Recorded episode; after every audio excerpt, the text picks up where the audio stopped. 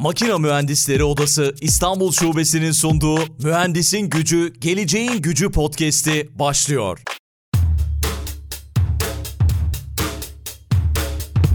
Mühendisin Gücü, Geleceğin Gücü podcast'inin yeni bölümünden herkese merhaba. Bu bölümde konuğumuz Hareket ve Kontrol Teknoloji Merkezi Yönetim Kurulu Başkanı Tunç Atıl oluyor. Tunç Bey şu anda karşımda. Tunç Bey hoş geldiniz. Hoş bulduk. Çok çok teşekkür ediyoruz davetimizi kabul ettiğiniz için. Bizim için de çok çok değişik olacak. Çünkü ikinci sezonda biraz daha farklı ilerliyoruz ve sanayinin gücünü de merak ediyoruz. Siz de uzun zamandır Türkiye'de kariyerinizi sürdüren biri olarak ve deneyimleriniz çok fazla olduğu için bu bölümde sizi ağırlamak istedik. Güzel bir konuyu konuşacağız. Yeşil fabrikalardan gireceğiz. Sizin yaptıklarınızı anlatacağız ve çok daha fazlasıyla filli su saati var. Benim çok çok merak ettiğim sizin şu anda fabrikanızda yaptığınız ondan bahsedeceğiz ve tabii ki yenilebilir enerjiden de bahsedeceğiz. Çok daha fazlasından bahsedeceğiz. Bir kez daha hoş geldiniz. Teşekkür ediyorum. Biraz kendimi tanıtayım isterseniz. Tabii lütfen. öyle başlayalım. Lütfen öyle başlayalım. Bir kere hani uzun, uzun zamandır sözünüze hemen bir cevap.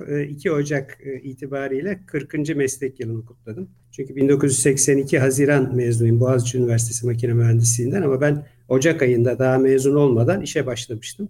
Onun için 40 yılı geride bıraktım meslek yaşamımda. Ondan öncesinde özel Alman Lisesi'nden Boğaziçi Üniversitesi'ne geçtim. Daha sonra da bu çalışırken e, yani üniversite bittikten hemen sonra da askerliğe kadar olan süre içinde İstanbul Üniversitesi İşletme İktisadi Enstitüsü gece bölümüne devam ettim. Almanca ve İngilizce biliyorum. Evliyim. Bir kızım bir oğlum var. Ve an itibariyle de bu 40. yılda geldiğimiz noktada 24 yıl önce kurduğumuz çeyrek asra yaklaşan Hareket Kontrol Teknolojileri Merkezi Anonim Şirketi'nin yönetim kurulu başkanlığını yürütüyorum. 24 yıl önce 3 kişiyle başlayan hikaye bugün 120 kişilik 52'si mühendis bir ARGE merkezi olarak devam ediyor. Aynı zamanda da e, anahtar teslim projeler yapan hareket kontrol teknolojileri alanında bir mühendislik firması. Hareket kontrol teknolojileri deyince kavram çok geniş, anlatması da kolay olmuyor.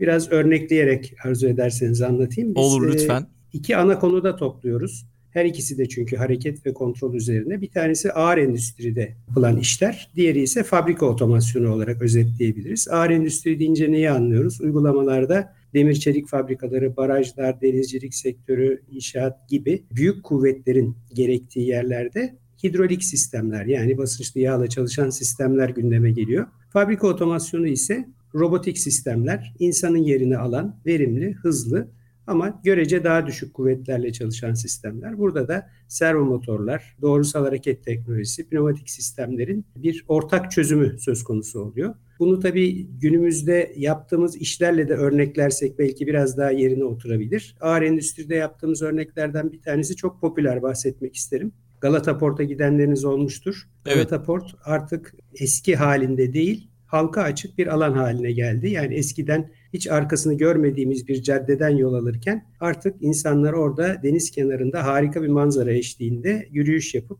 nefes alabiliyorlar. Bunu yaparken de aynı zamanda oraya yanaşan kruz gemilerinin bir gümrüklü alana giriş yapması lazım. Gümrük Bakanlığı onaylı. Her ikisini birden başarmanın da tek bir yolu var terminaller ve de bagaj eşya bölümleri yer altına alınmış durumda. Eksi 1 ve eksi 2 olarak. Yolcu indikten sonra da o üzerinde yürüdüğümüz yollardan bir şerit aslında ard arda dizili kapaklardan oluşmuş vaziyette. Her biri 6 metreye 3,5 metre 4 ton ağırlığında, 4,5 ton ağırlığında kapaklar bunlar. Ve bu kapaklar 90 derece hareket ederek gemiden inenlerle sahil şeridinde yürüyenler arasında bir bariyer oluşturuyorlar. Bu sayede gemiden inenler bir gümrüklü sahaya inmiş oluyor. İki yanda modüler sistemlerle kapatılıyor.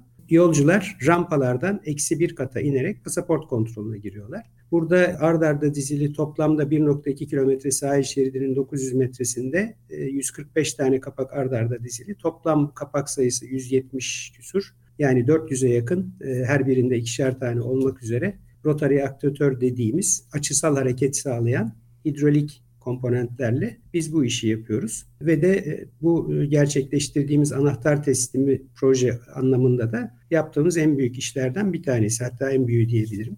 Dolayısıyla hareket deyince böyle bir hareketi gözünüzde canlandırabilirsiniz. Onun dışında da hidrolik sistemler niye demir çelikte kullanılıyor? Çok büyük kuvvetler biraz önce bahsettiğim gibi ağır hareketler. Ama fabrika otomasyonu kısmına gelince de onu da örneklemek için İstanbul Halk Ekmek Fabrikası'nın ekmek kasalama sistemi yaklaşık 35 metrelik bir hatta ard arda dizili aslında basitinden zoruna 35 tane makineden oluşuyor. Bunun içinde kamera kontrolünden tutun ıskartaya ayırma sistemleri, kasalayan robotik sistemler, gruplayan sistemler gibi aslında hattın bir ucundan fırından çıkan ekmeklerin girip daha sonra da kasalanıp kasaların da paletlere yüklendiği bir uçtan uca otomasyon şeklinde çalışıyor. Gene firma isimleri vermekte mahsur görmüyorum. Hepsi Türkiye'nin güzide Hepsini verebilirsiniz. Arçelik'in şu anda yapmakta olduğu fırın şase hattı dediğimiz bir hat var. Burada da evimizde kullandığımız Ankastre 60'a 60 fırının kapağını açıyoruz. Biz içine pişireceğimiz yiyecekleri yerleştiriyoruz. O kapak dışında kalan tüm sistemler saç olarak bir hattın içinden girdikten sonra 17 istasyondan geçip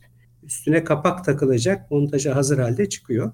Bu tarz işler e, yaptığımız işler. Sonuçta bunların hepsinde tahmin edebileceğiniz gibi hareketler var ve bu hareketlerin de hassas bir şekilde kontrolü var. Özetle yaptığımız işi de böyle örnekleyebilirim. Harika gerçekten. Bu arada 40. yılınız bir kez daha kutlu olsun. Teşekkür ederim sağ olun. Çok, çok çok genç yaşlarda başlamışsınız. Ben kariyerinizi inceledim.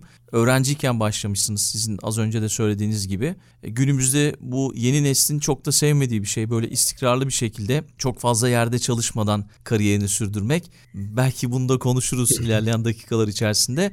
Bir de genç yaşta girişimci olmuşsunuz tabii. Bu da çok değerli. Çok değerli bir hikaye ve örnek bir rol model olduğunuzu düşünüyorum. Özellikle bizi takip eden makine mühendisi olmak isteyen adayların mutlaka podcast sonrasında da sizin kariyerinizi şöyle bir incelemesini tavsiye ederim. Zaten sizin LinkedIn linkinizi de profilinizi de podcast'ın açıklama kısmında paylaşacağız. Peki rica ederim Madem genç arkadaşlara örnek olmaktan bahsettik. Bir kere iş yaşamında çalışmak isteyen öğrenciler hala var ve biz onları arayıp buluyoruz. Çünkü onlar bizim için potansiyel iş arkadaşlarımız ve çok değer veriyoruz. Hem stajda bizde gerçekten olumlu işler yapan ve işini seven arkadaşlara hem de bizle birlikte çalışmak isteyenlere. E, bu karşılıklı istek bir araya geldiği zaman da çok güzel sonuçlar çıkıyor. Ben de aslında iş hayatını nerede öğrendim derseniz tabii ki önce bir stajlarla başlıyorsunuz ama Türkiye'de yapılan stajlarda ben e, AEG Profilo'nun Çerkezköy fabrikasında başladım önce. Sonra bir Almanya stajı söz konusu oldu. Beni İAST kurumundan uyardılar. Dediler ki bakın gittiğiniz yerdeki staj bir dökümhane stajı biliyor musunuz? Evet dedim gayet ukala bir şekilde. Ee, bir de yaz işçisi olarak gidiyorsunuz. Orada iyi para verecekler ama iyi de çalışacaksınız. Onu da biliyor musunuz dedi hanımefendi.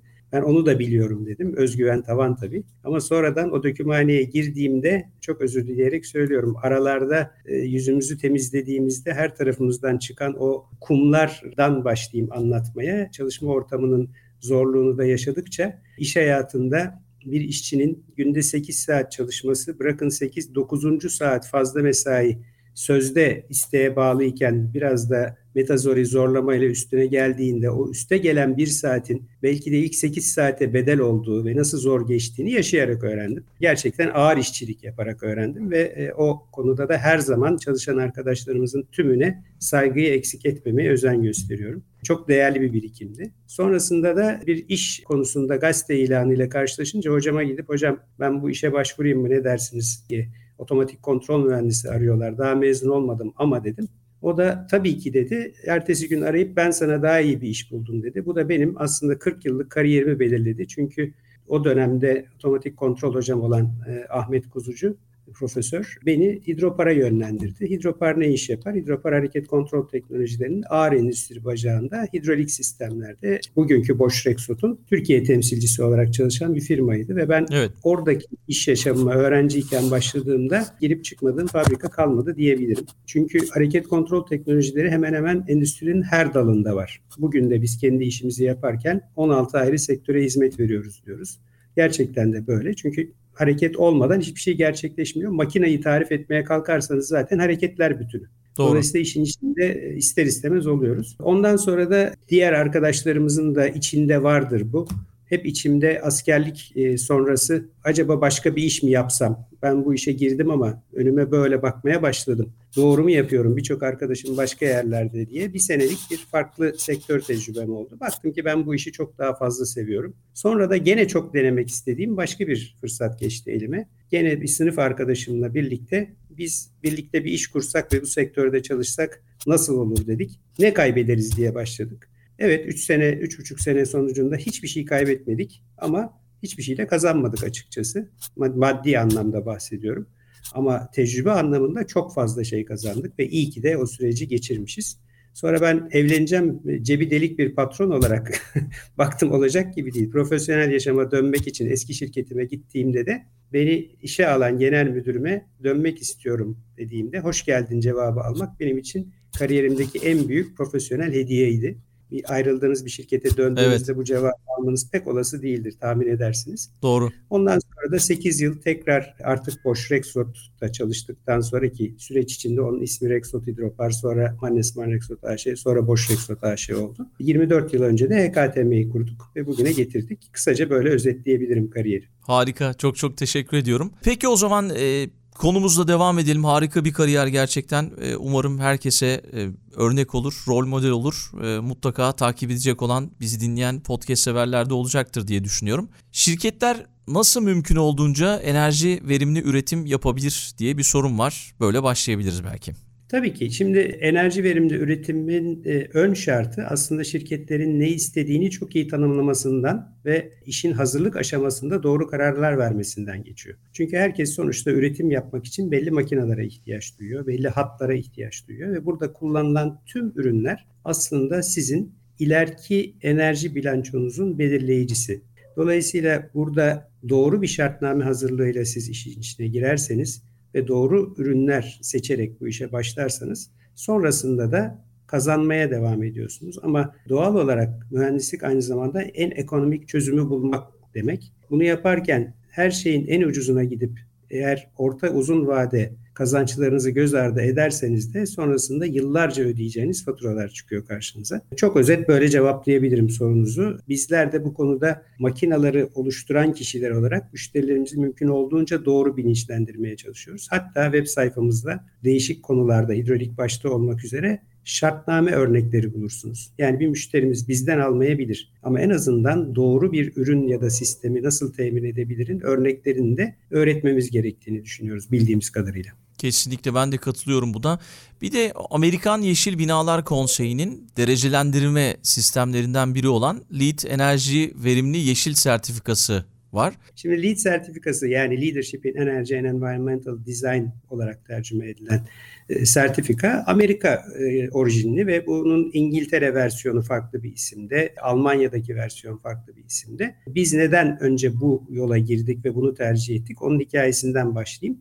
Olur. Nedeni şu, biz aslında bir 17 yıl ufak bir mağazada başlayıp oradan sonra yavaş yavaş sağa sola genişleyip işte bir atölye yanında bir atölye daha sonra daha büyük bir atölye gibi sanayimizin maalesef sermaye kısıtı nedeniyle birçok örneklerde yaşandığı gibi bizim de parçalı bir büyümemiz oldu ve hayalimizde hep bir e, fabrika binası vardı. Bu binada tek bir binada tüm sistemleri verimli bir şekilde işletebilmek arzusu vardı. Bunu da Gebze Plastikçiler Organize Sanayi Bölgesi'nde Tema Vakfı ormanı karşısında bir arsa bulduğumuzda bir an önce gerçekleştirmek istedik. Çok insani bir istek. Öyle bir yerde çalışmak, yaşamak, karşımızda bir orman görmek, doğa dostu bir çevreci bina inşa etmek hepimizin isteyeceği bir şey yani. Burada hiçbir ayrıcalık yok. Ama süreç içinde şunu gördük ki bu aslında sertifikalandırılan bir yöntemmiş.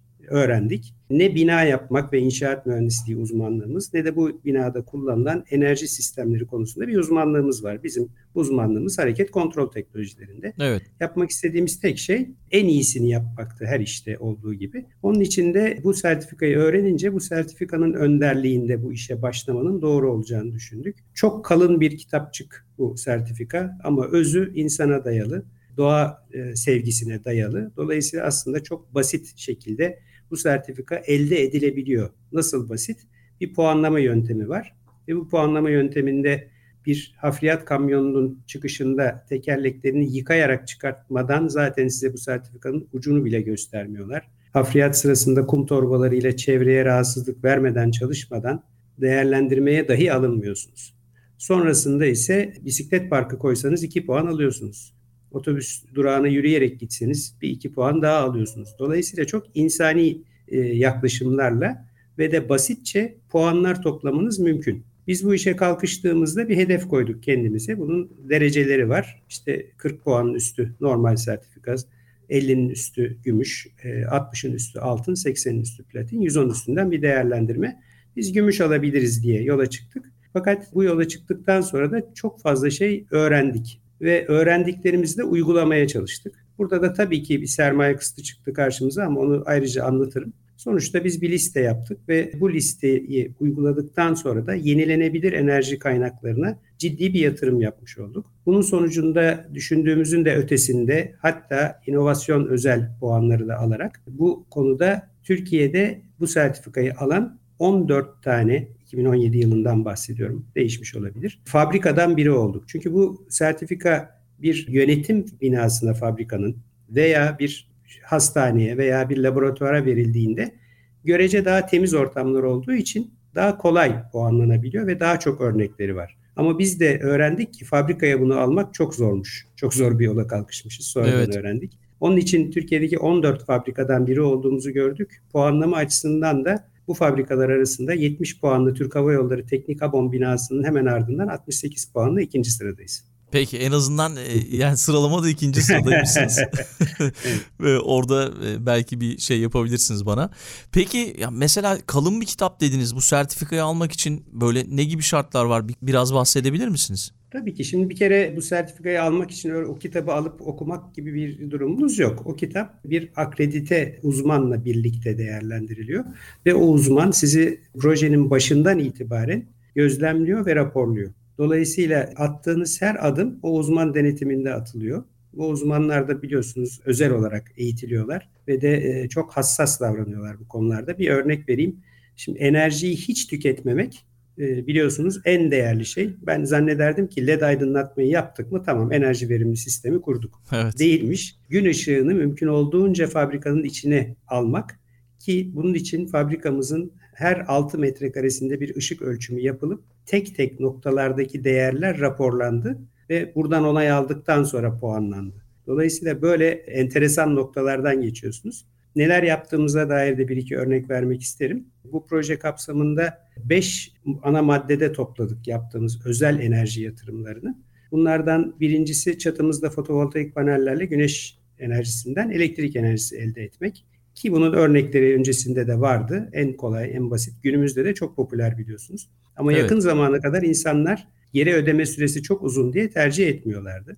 Hemen ardından binanın ısıtma ve soğutma sistemlerini kurgularken elektrik enerjimizi madem kendimiz üretiyoruz o zaman elektrik enerjisiyle ısınmanın en verimli yolu nedir diye araştırıp öğrendik ki ısı pompasının toprak kaynaklı cinsi dünyada bilinen en verimli ısı pompası. Toprak kaynaklı ne demek? Toprağın altındaki sıcaklık 5 metreden daha derine indiğinizde hiçbir zaman 7 derecenin altına inmiyor. Hava kaç dereceye inerse insin hiçbir zaman da 12 derecenin üstüne çıkmıyor. Dolayısıyla aslında suyu ısı pompasına girmeden önce toprağın altında dolaştırmak toprağı bir ısı değiştirici olarak kullanmak anlamına geliyor. Ve de bunun için yapılan her biri 100'er metrelik 10 tane sondajda dörtlü hortum setleriyle 4.2 kilometre toprağın altında suyu dolaştırarak ısı pompasına soktuğunuzda bir ön ısıtma yapıyorsunuz. Hiçbir şeyde bir mucize yok sonuçta. Bu ön ısıtma sayesinde de bir klimaya göre hatta en e, verimli VRF klimaya göre yukarıdan aşağı %40'ın üzerinde bir artı verimlilik elde ediyorsunuz. COP değeri 4 ve üzeri. VRF klimalarda 2.70 diye biliyorum. Dolayısıyla bunu da hava kaynaklı ısı pompasıyla yazın çok sıcak günlerde desteklemek üzere de hibrit çalışan bir sistem kurduk ve de yerden ısıtma sistemini de tercih ederek en verimli şekilde bu ikiliyi değerlendirmiş olduk. Onun yanında lavabolarda elimizi yıkadığımız suya gri su diyoruz. Bu suyu ikinci kez değerlendirdikten sonra yani geri kazandıktan sonra rezervuarlarda ikinci kez değerlendirdikten sonra atık su olarak bırakıyoruz. Dolayısıyla bu da ciddi anlamda bir su tasarrufu sağlıyor.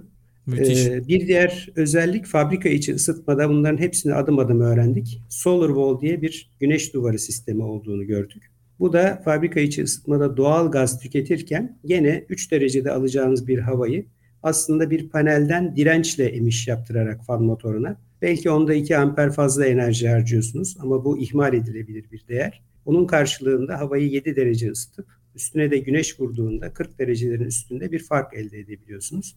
Kış ortalamalarında 15-20 derecelik bu fark bize 3 derece girecek bir havanın 18 derece minimum hava üfleyici cihaza gelmesini sağlıyor. Bu da doğal gazda da çok ciddi bir tasarruf elde etmemizi sağlıyor. Bugünün çok pahalı enerjilerini biz en verimli şekilde değerlendirmiş oluyoruz. Bir de elektrikli araçlar cihazımız var. Henüz kendi elektrikli aracımız olmamasına rağmen misafirlerimiz için fabrika girişimizde şarj etmek üzere bekliyor.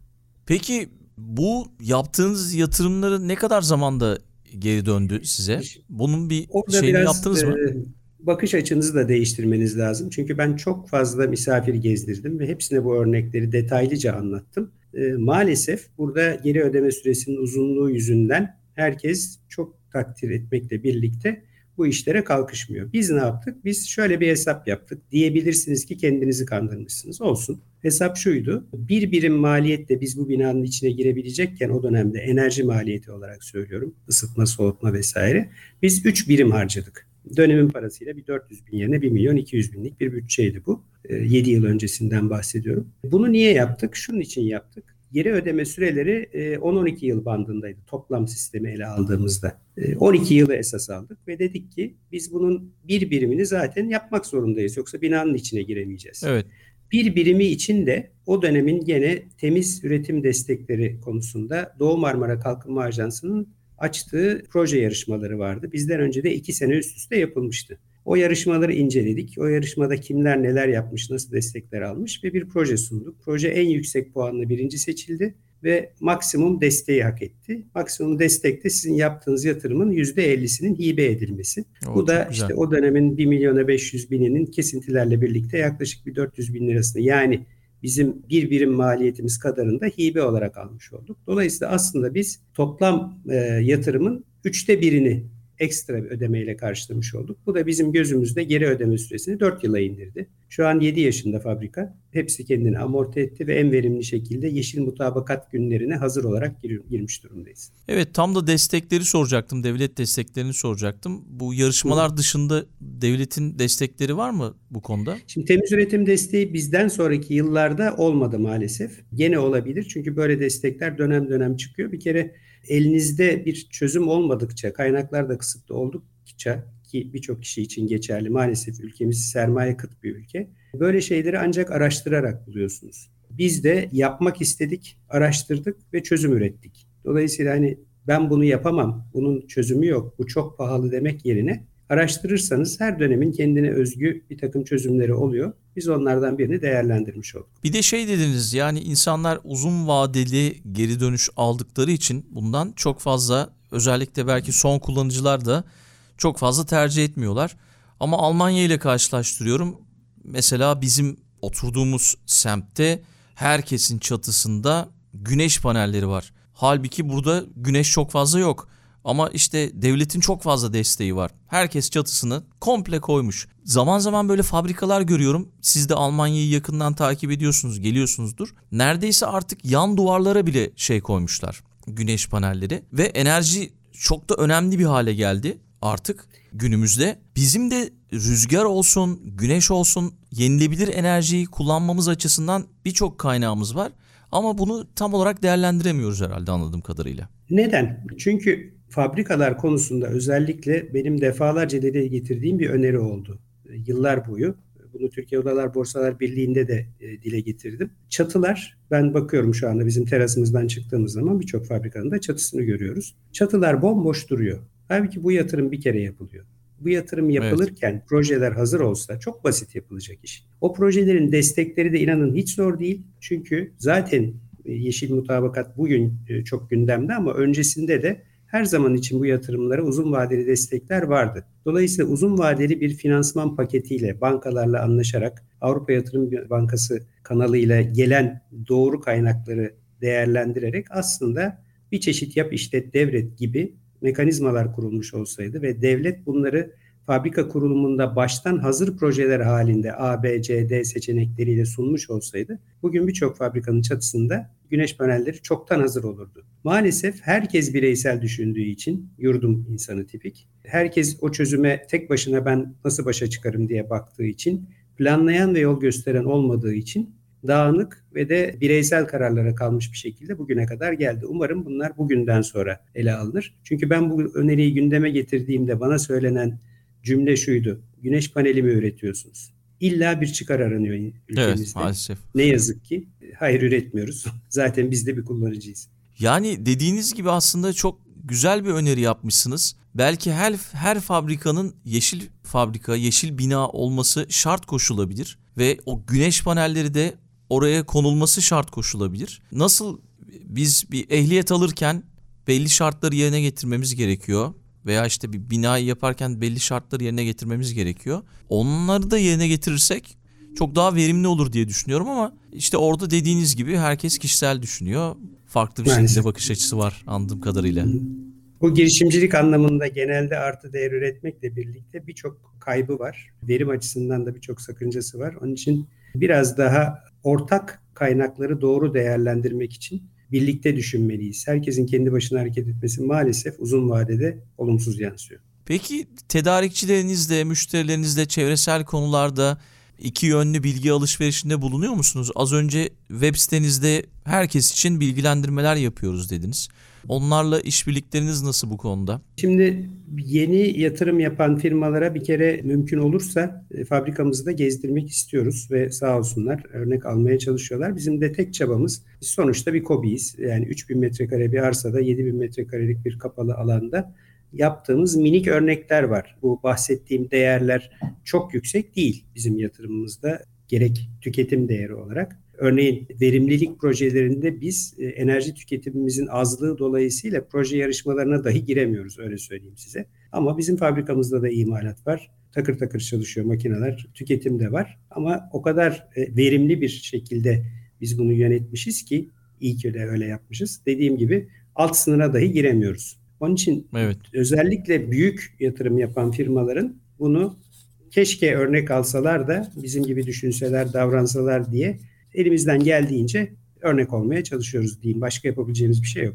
Doğru, doğru. Peki şeyden bahsetmek istiyorum. Sizin yapmış olduğunuz önemli işler var. İşte hepsini anlattınız. Çok çok değerli hepsi ama sanatla mühendisliği birleştirdiğiniz de bir proje var. Mekatroniğin dahisi, hidroliğin ustası ve robotiğin kurucusu olarak adlandırılan El Cezire'nin filli su saatini fabrikada yaptınız. Bu hikayeden bahseder misiniz? Bu da çok ilginç gerçekten.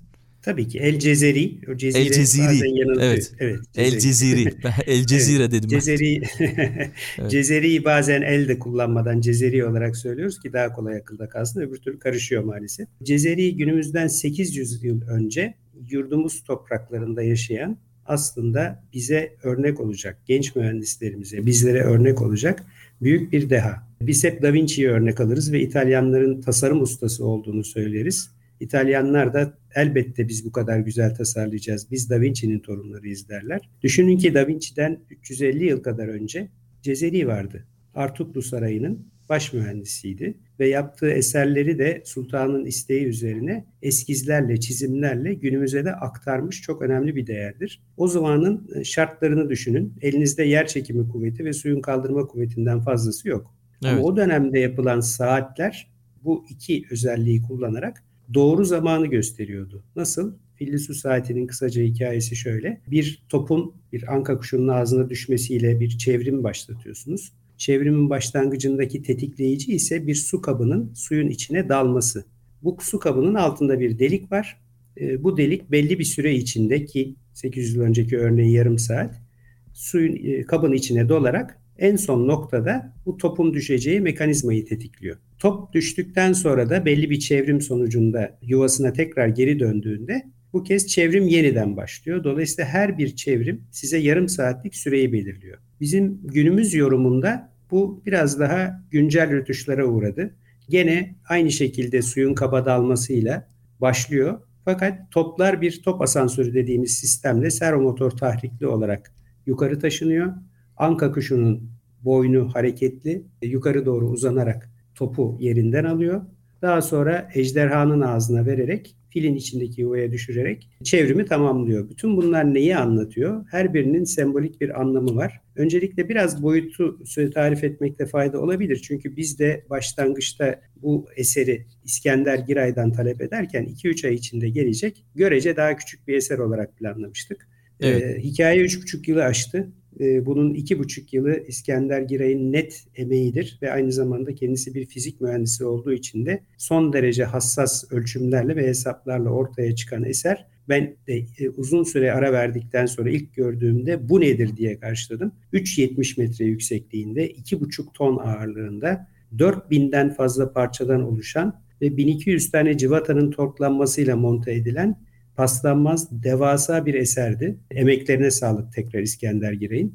Ve verilen içindeki mesajları size anlatmakla bitiremem. Birkaç örnek vermek isterim. Lütfen. Anka kuşu burada e, gene 800 yıl önce olduğu gibi Anadolu coğrafyasını, uygarlığını temsil ediyor. Aslında Anka kuşu doğudan başlayarak e, Belgrad'a kadar olan bölümlerde barışın ve özgürlüğün sembolü olarak bilinir. Ve o yorumda Anadolu topraklarında da özgürlük hala tam anlamıyla sağlanamadığı için yüzyıllardır. Örneğin anka kuşunun sol bileğinde bir zincir var.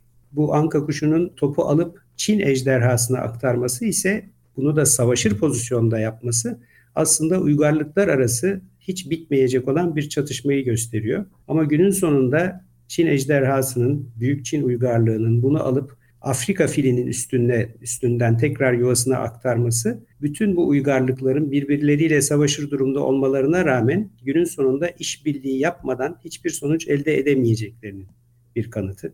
Aynı zamanda filin ayağında gelip görmenizi isterim. Bunu anlatmak çok zor. Çok güzel bir küre sembolü var filin ayağının bastığı ve küreye yakından baktığınızda içinde bir ölü fil olduğunu görüyorsunuz yansımayla. Bu da Afrika fillerinin neslinin fil dişi avcılığı dolayısıyla 2017'ye kadar Hong Kong pazarında ticareti serbest olan fil dişi avcılığı dolayısıyla tükenme noktasına geldiği konusunda o küreye bakan ve yansımasını gören hepimizin bunda sorumluluğu olduğunu vurguluyor. Çok Harika. kısaca böyle özetleyebilirim. Daha fazlası için görmeniz lazım. Hepimiz gelip görebilir miyiz? Fabrikada ziyaret Elbette. edebilirler mi? Tabii ki. Şimdi fabrika içinde bunu yer, e, sergilediğimiz zaman hep şu soru geliyor. Bu eser çok güzel bir eser ki biz İskender Giray'a ilk baştan her türlü ulusal uluslararası yarışma, kongre, fuar için onun sökülüp götürülüp tekrar kurulması için en baştan zaten açık kapı bıraktık ama bahsettiğim boyutta bir sistemin sadece montaj ve demontajının bile ne kadar uzun sürebileceğini tahmin edersiniz. Evet, çok uzun. Onun için eğer başarabilirsek önümüzdeki Win fuarında bunun hologramla fuar alanına yansıtılmış şeklini kurgulamak istiyoruz. Umarım başarırız ve orada hep birlikte daha geniş kitlelere ulaştırırız. Ama amaç mümkünse bizim fabrikaya davet ettiğimiz herkese kapımız açık. Özellikle mühendislik ve güzel sanatlar öğrencilerini düzenli turlarla fabrikamızda ağırlamayı planlıyoruz. İskender Giray'ın kendi sunumuyla 15 günde bir öğrencilerimizin bu hikayeyi dinlemeleri ve de çoğu benim oğlum ve kızım da dahil olmak üzere yurt dışına giden gençlerimizin aslında bu topraklar için ne kadar değerli olduğunu, bu topraklarda nelerin üretilebileceğini bilmeleri ve bu özgüvenle meslek yaşamlarına başlamalarını arzu ediyoruz. Ben de Türkiye'ye geldiğimde mutlaka ziyaret edeceğim. Görmek istediğim eserlerden biri. Umarım görme şansını yakalarım. Tabii Peki. tabii. Kahve de içeriz beraber. Tabii tabii kahve kahve de içeriz. Hiç önemli değil. Çay, kahve. Peki kapatmadan önce bir de tabii ki odamız hakkında merak edilen şeyler var. Sizin görüşleriniz var. Makine Mühendisleri Odası İstanbul Şubesi hakkında neler söylemek istersiniz? Odaların önemi genel itibariyle meslek için nasıl bir katkı sağlıyor? Belki bu konuda görüş aktarırsınız bize.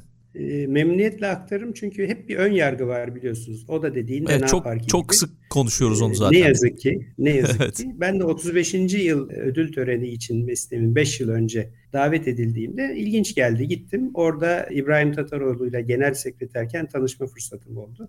Çok sıcak bir karşılamaydı ve o gün ödül alanlardan bazıları yaptıkları konuşmalarda biz aslında erken emekli olduk. Sanayiye hala faydalı olabiliriz ama nasıl yapacağımızı bilmiyoruz demişlerdi. Biz de tesadüfen o dönemde Kocaeli Sanayi Odası Meslek Komitesi olarak bir bilgi ve know-how aktarımı projesi yürütüyorduk ve bunun içinde genelde yurt dışı kaynaklardan faydalanmaya çalışıyorduk. Biraz geç tank ediyor bende. Ertesi gün sanayi odasına toplantıya giderken İbrahim'i arayıp İbrahim biz bunu Türkiye'de bizim mühendislerimizle yapsak nasıl olur dedim. Harika olur abi deyince aslında makine mühendisleri odasının da lokomotif olduğu Kocaeli Sanayi Odası'nın bu projesi günümüzde de giderek daha etkin bir şekilde uygulanıyor. E, artık 90'ı aşkın uzmanımızın olduğu bir liste var.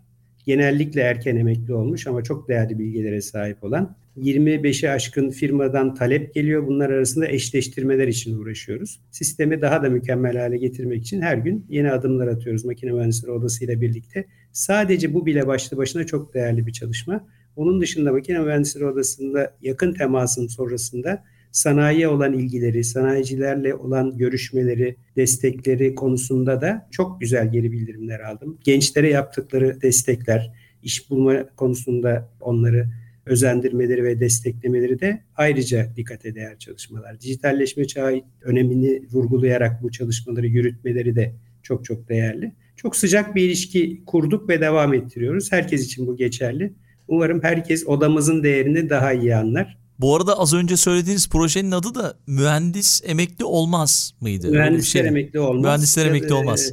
Tamam. Web sayfası da www.sanayiuzman.com. Tamam. Bilginiz olsun. Dinleyen mühendislerimizin bir araştırıp başvuru yapması bizim için çok değerli. Sanayicilerimizin de talepte bulunmaları daha da önemli tabii ki. Bir konuda daha bir bilgilendirme yapmak isterim. Güncel bir gelişme olduğu için Deloitte'un 40'ı aşkın ülkede 3 yıldır yapmakta olduğu en iyi yönetilen şirketler, Best Managed Companies konusunda verdiği ödüllerden biri de bu sene bize geldi. 6 firmayla birlikte bu ödülü paylaştık. Bu konuda da çok gurur duyduk bu haberden. Sizlerle de paylaşmak istedim. Tebrik ediyoruz gerçekten. Bu da gurur verici bir haber. Başarılarınızın devamı diliyorum o zaman. Çok teşekkür ederim. Tamam. Peki çok çok teşekkür ediyoruz Tunç Bey konuk olduğunuz için. Harika bir yayın ben oldu. Ben teşekkür ederim. Çok sağ çok olun. sağ olun. Emeğinize sağlık. Çok teşekkür ederim. Tunç Bey o zaman son sözü size bırakıyorum. Mühendisin gücü, geleceğin gücü.